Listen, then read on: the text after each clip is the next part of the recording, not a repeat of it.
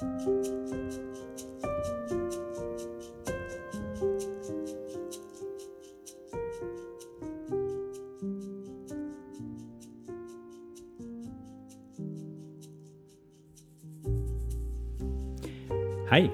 Jeg har lyst til å dele et uh, håpsord med deg.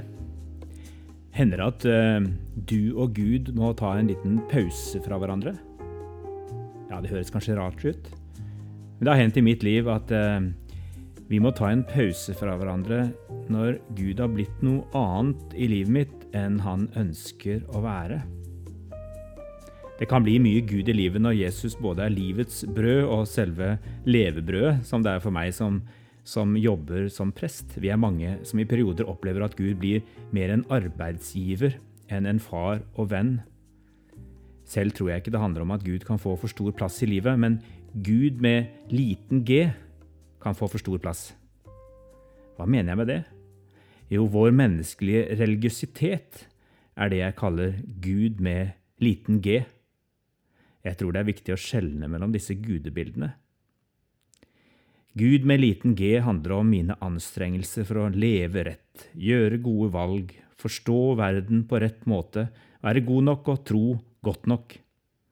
Ikke minst kan det handle om det menneskelige prosjektet å skulle forsvare Gud i en verden som i stadig større grad mener han er en illusjon, en livsløgn, et bedrag. Her er det mer enn nok å beskjeftige seg med for den som forsøker å praktisere en kristen tro. Du behøver ikke å være prest eller ansatt i en kirke eller kristen organisasjon for å kjenne på det slitsomme i en sånn religiøsitet. Jeg tror noen og enhver kan få pusteproblemer. Disse anstrengelsene kan foregå like mye på tankeplanet som i samspill med andre mennesker.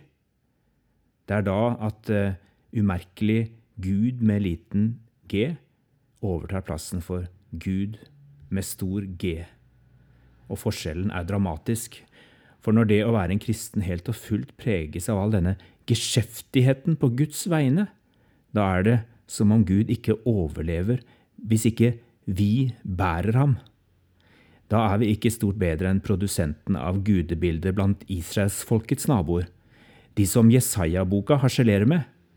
Bildene dere bar på, løftes opp og lastes på trette dyr og fe, står det i Jesaja 46.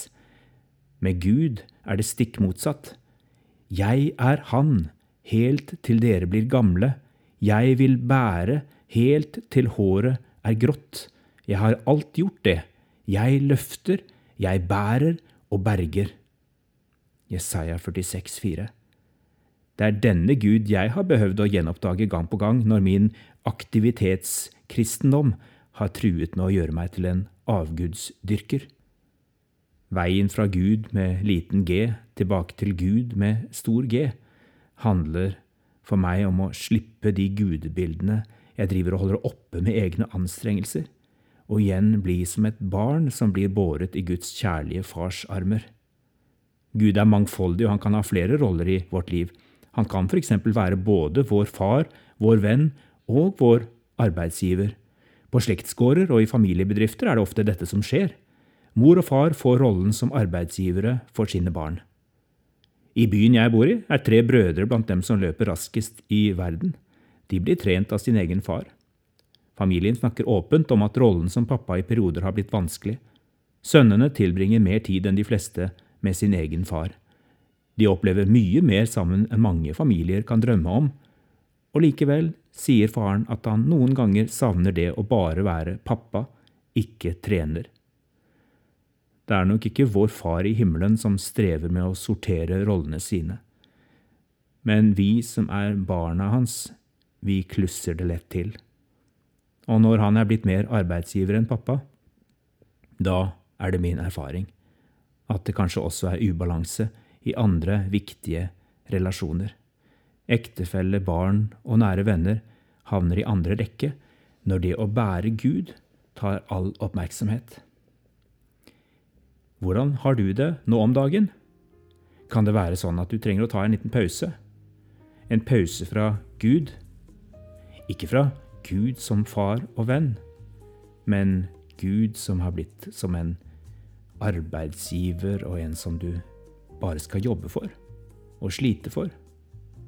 kan du sette deg ned hos pappa i dag, være på hans fang litt, og bare ta imot hans kjærlighet. Ha en velsignet dag der du er.